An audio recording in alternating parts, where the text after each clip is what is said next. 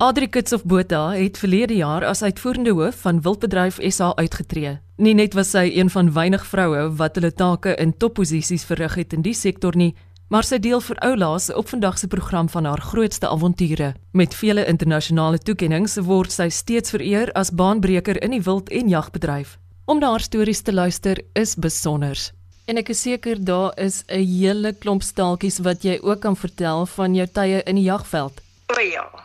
My eerste een moet ek sê. Kyk, toe ek nou gaan my eerste jag onderneem. Toe het ek nou skietbaan toe gegaan daar in Natal en die die man het my so mooi geleer skiet en help skiet en alles en toe ek nou op my eerste jag gaan toe is ek weet nie hoeveel mense sit en wag net om te hoor nou wat het nou gebeur en het sy al bok gekry het sy nie haar bok gekry nie.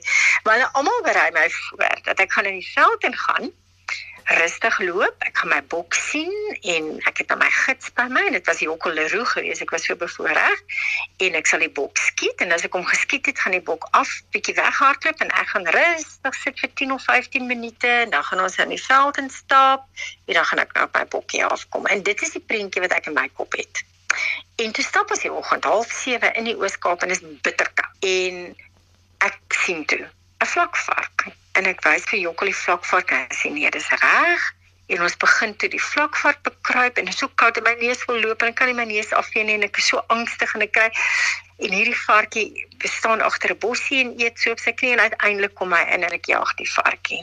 Nou enige iemand wat 'n vark al gejag het, sal weet Daar's 'n groot verskil tussen die rustige prentjie in my kop van die bok gaan weghardloop en ek gaan rustig sit vir 10 minute, maar dit was my heel eerste jag en toe daarselfde naweek het ek toe nou wel my bokkie gekry en so was daar baie ander. Ek het nou amper 20 spesies gejag en onlangs het ek in die Kalahari gaan jag saam met die Boesmans daarna by die Kalahari waar ons letterlik elke duin op gestap het, sand op, sandduin af, deur die strate, aan die kant op aan die kant af. Ek het in my lewe nog nooit so hard gewerk vir 'n bok soos daar nie.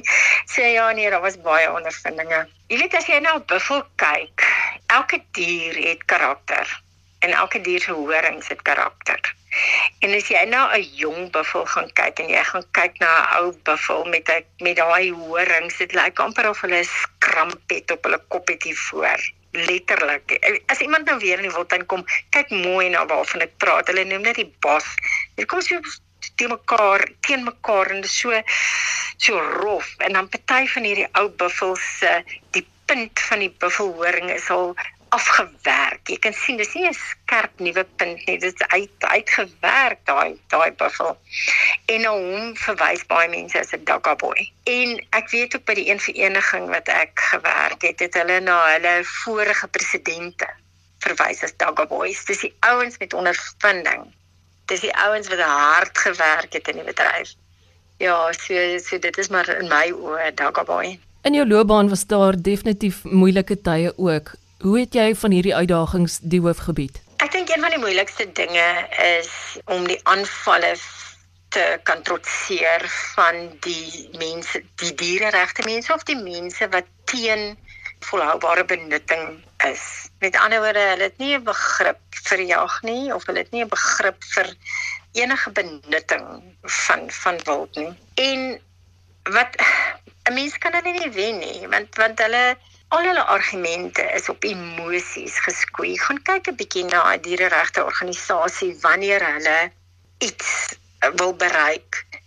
Dis alles emosioneel.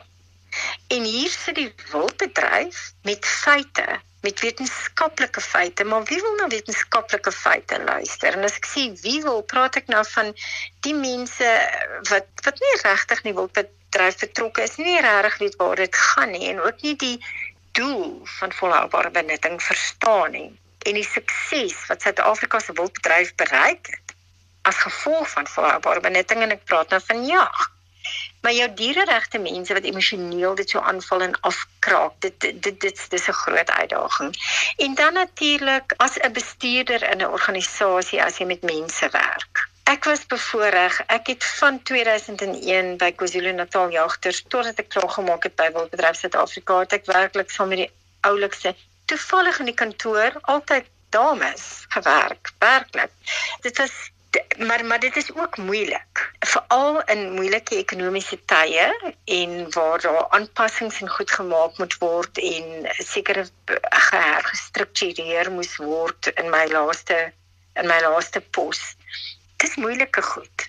Jy weet jy, jy raak aan individue se lewensvatbaarheid. Jy raak aan hulle baie dit raak baie persoonlik en en en dis vir my nog 'n uitdaging gewees. Ehm um, ek dink ek haal my hoed af vir mense wat op 'n daaglikse basis met mense werk.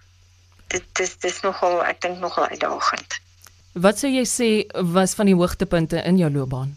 Ek wil weer sê elke keer as ek iets nuuts geleer het. Dit dit, dit was of elke keer wanneer ek aan iets nuuts blootgestel was. En dit dis dis werklik so gewees. Ek het so heel onder begin dat die eerste keer wat ek na regeringsvergadering toe gegaan het, het ek gedink, hoe kan dit gebeur? Hoe kan ek hier sit? Hoe het ek hier gekom?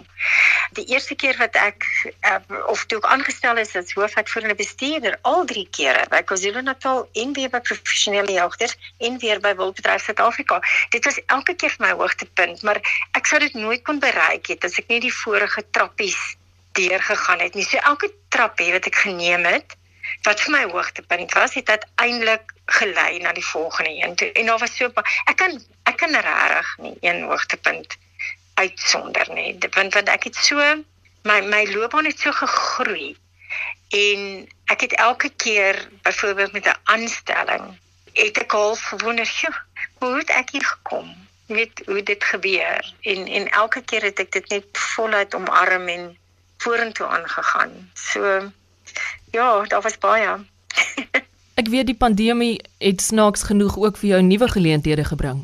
Die pandemie het vir my geleentheid gegee om vir hierdie vir vir hierdie bedryf te kon teruggee al die vreugde wat ek daar uit gekry het.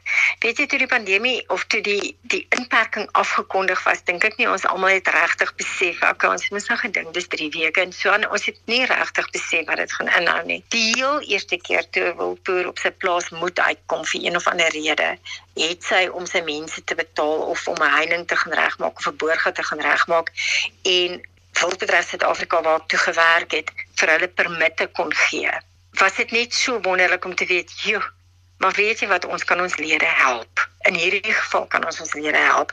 En ons het werklik, ek dink in die eerste 2 maande oor die 700 permitte uitgegee aan wildboere om by hulle plase te kon uitkom. Die dames almal by weer is al, ons het gewerk 24/7. As iemand jou 11 uur in die nag bel vir 'n permit dan het hy hom gekry in terme van soos van die regulasies op daardie stadium toegelaat het. Dit het net vir my weer eens gewys dat die rol van georganiseerde strukture, iets dan nou landbou of wildbedryf of wat ook al is so belangrik om die wildbedryf te kon help voortgaan, dat hulle hulle lewende wild kon skuif, dat hulle vleis op die mark kon kry, dat hulle vir 'n kort periode van 7 weke net ongelukkig by die plaaslike jagters daarom kon laat gaan jag. So dit het my net weer dit geleer dat so organisasie is baie belangrik vir die voortbestaan van enige ekonomiese sektor. Dan is jy natuurlik 'n ma en 'n ouma ook. O ja, natuurlik en ehm um, die ma wees is mos nou gedurende tyd wat ek my loopbaan ontwikkel het jy weet want dit is mos normaal. As mense so hard werk en alles dis ook die tyd wat jy eintlik baie tyd saam met jou kinders moet spandeer. En as ek so terugkyk en wonder ek altyd waar het ek tyd gekry vir alles? Maar ehm um, ouma wees is nou lekker veral nou want nou het ek soveel tyd. Jy weet ek kan uh, regtig nou tyd saam met die kleintjies spandeer en dit ja dit is 'n wonderlike voorreg. Stel hulle ook belang in die wildbedryf? Ja, dis nogal divers. Ek het 'n dogter wat sal biltong en droewors eet nie gaan aan in die jagveld kry nie. Ek het 'n seun wat op 26 sy eerste bok geskiet het saam met sy ma. Dit was my baie groot voorreg geweest. Ek het uh, my ander seun jag en my skoonseun toevallig is 'n baie groot jagter en ek en hy is baie groot jag partners ook. Ons ons het al vir 'n naweek ek dink daar's baie mans wat nie gaan glo dat hulle vir 'n naweek saam met hulle skoon skoonma sal gaan jag nie. Ek kan net dink wat se grappies gaan daaroor kan uitkom. Maar ja ons twee het al op 'n jagtripie gegaan. So ek is redelik gelukkig dat hulle dat hulle happy is met my belangstellings. Waar het jy nog die heel lekkerste jagavontuur in Suid-Afrika gehad? Dis weer eens moeilik want elke streek bied iets uniek aan. Maar ek dink die uitdagendste is, is altyd die wat jy altyd sal onthou, soos die jag wat ek in die Kalahari gehad het wat ek die Sandduine moes op en af klim, 25000 tree, het my foon aan die einde van die dag gesê. En dit was nogal 'n uitdagende een en ek het een keer swartwit pens saam met my man gaan jag wat um, wat 'n vrylopende swartwit pens was op 'n plaas ook met 'n redelike koppietjie vol klippe en daai klippe het my knie ook redelik moeg gemaak. En dan het ek een keer 'n jag gaan onderneem vir 'n internasionale TV program. En dit was vir 'n valribbok in die Oos-Kaap. En ek moes letterlik die laaste ek sou skat die laaste 3 meter op my maag tussen klippe opseil. Dis millimeter vir millimeter want enige iemand wat valribbok gaan al gejaag het gaan weet jy jy moet regtig daar jou vernuf gebruik om die bok te kan uitoorlê. En ek het daar seker omtrent 'n uur en 'n half gevat om maar 3 meter stukkie vir stukkie vir stukkie boontoe tussen die klippe reg op te gaan en op my maag te lê en die skoot te neem. Dit was dit was heel moontlik een van die mees uitdagendste jagte. Maar daar was daar was so baie, weet jy, en elkeen is spesiaal. Elkeen het 'n spesiale ondervinding. Adri, waarom is jy positief oor landbou in ons land? oor ons boere wat so veerkragtig is. Nou die dag toe ons die brande gehad het in die Vrystaat, nee, en ek dink die hele land in trane was daaroor en ek net gedink het hoe dit is aardig aan iemand wat 90% van sy veld verloor het en sy diere verloor het en hy het skure en huise en implemente en alles verloor. Hoe tel so 'n persoon om net weer op? Ek ek, ek weet nie hoe hulle dit doen nie. Miskien onder die res van die land hulle so ondersteun. Ons almal was op ons knieë vir hulle gewees en die vragte met voer het ingerol en finansiële hulp het ingestroom en gaan vandag gaan kyk, gaan praat vandag met hulle. Ek dink die in sommige areas het dit alweer begin reën en na die eerste reendruppels en die eerste ou groen spruitjies wat uitgekom het, is hulle weer positief. En dis hoekom ek so positief is oor oor landbou want hulle die die boere daar in die rente ingebore veerkragtigheid en geloof en hoop en liefde en dis kom hulle aangaan en, en hulle sal nooit opgee nie. Eloise, baie dankie. Dit was vir my 'n wonderlike voorreg om met jou te gepraat. Ek werklik. Ehm um, en om net so 'n bietjie te kan terugdink as mense so sit en jy dink terug oor 19 jaar, daar's soveel goed wat ek kon deel. Maar oor die wildbedryf in Suid-Afrika, kan ek miskien net afsluit om te sê, weet jy, Suid-Afrika het 'n vreeslike groot voorsprong. Ehm um, as gevolg van ons model van privaat eienaarskap en die wat ons wild kon teel in Suid-Afrika. En ek dink dit bied die geleentheid um vir Suid-Afrika om enige groot rol te speel in die res van ons kontinent. Want daar is areas in ons kontinent wat wild werklik net uitgewis is of uitgewis word, iets wat dan as gevolg van wildstroping of of die konflik tussen wild en mensdom. En Suid-Afrika het die moontlikheid om die res van Afrika weer met van wild te kan voorsien. Dit klink nou, dit klink vreeslik groot en dit klink onmoontlik, maar dit is moontlik want ons hier onder in die suidpunt van Suid-Afrika het absolute oorvloed van wildlewe en ons het die beste genetika. En ek dink mense gaan in die dekades wat kom nog sien die groot rol wat Suid-Afrika kan speel om weer wild te kan voorsien in in plekke in Afrika waar dit miskien tot niet gegaan het vir watter rede ook al. Na 'n beskeie begin het Adri Kitsof Botha verlede jaar uitgetree as uitvoerende hoof van Wildbedryf SA, 'n vrou wat diep spore getrap het in die wildbedryf en landbou in Suid-Afrika.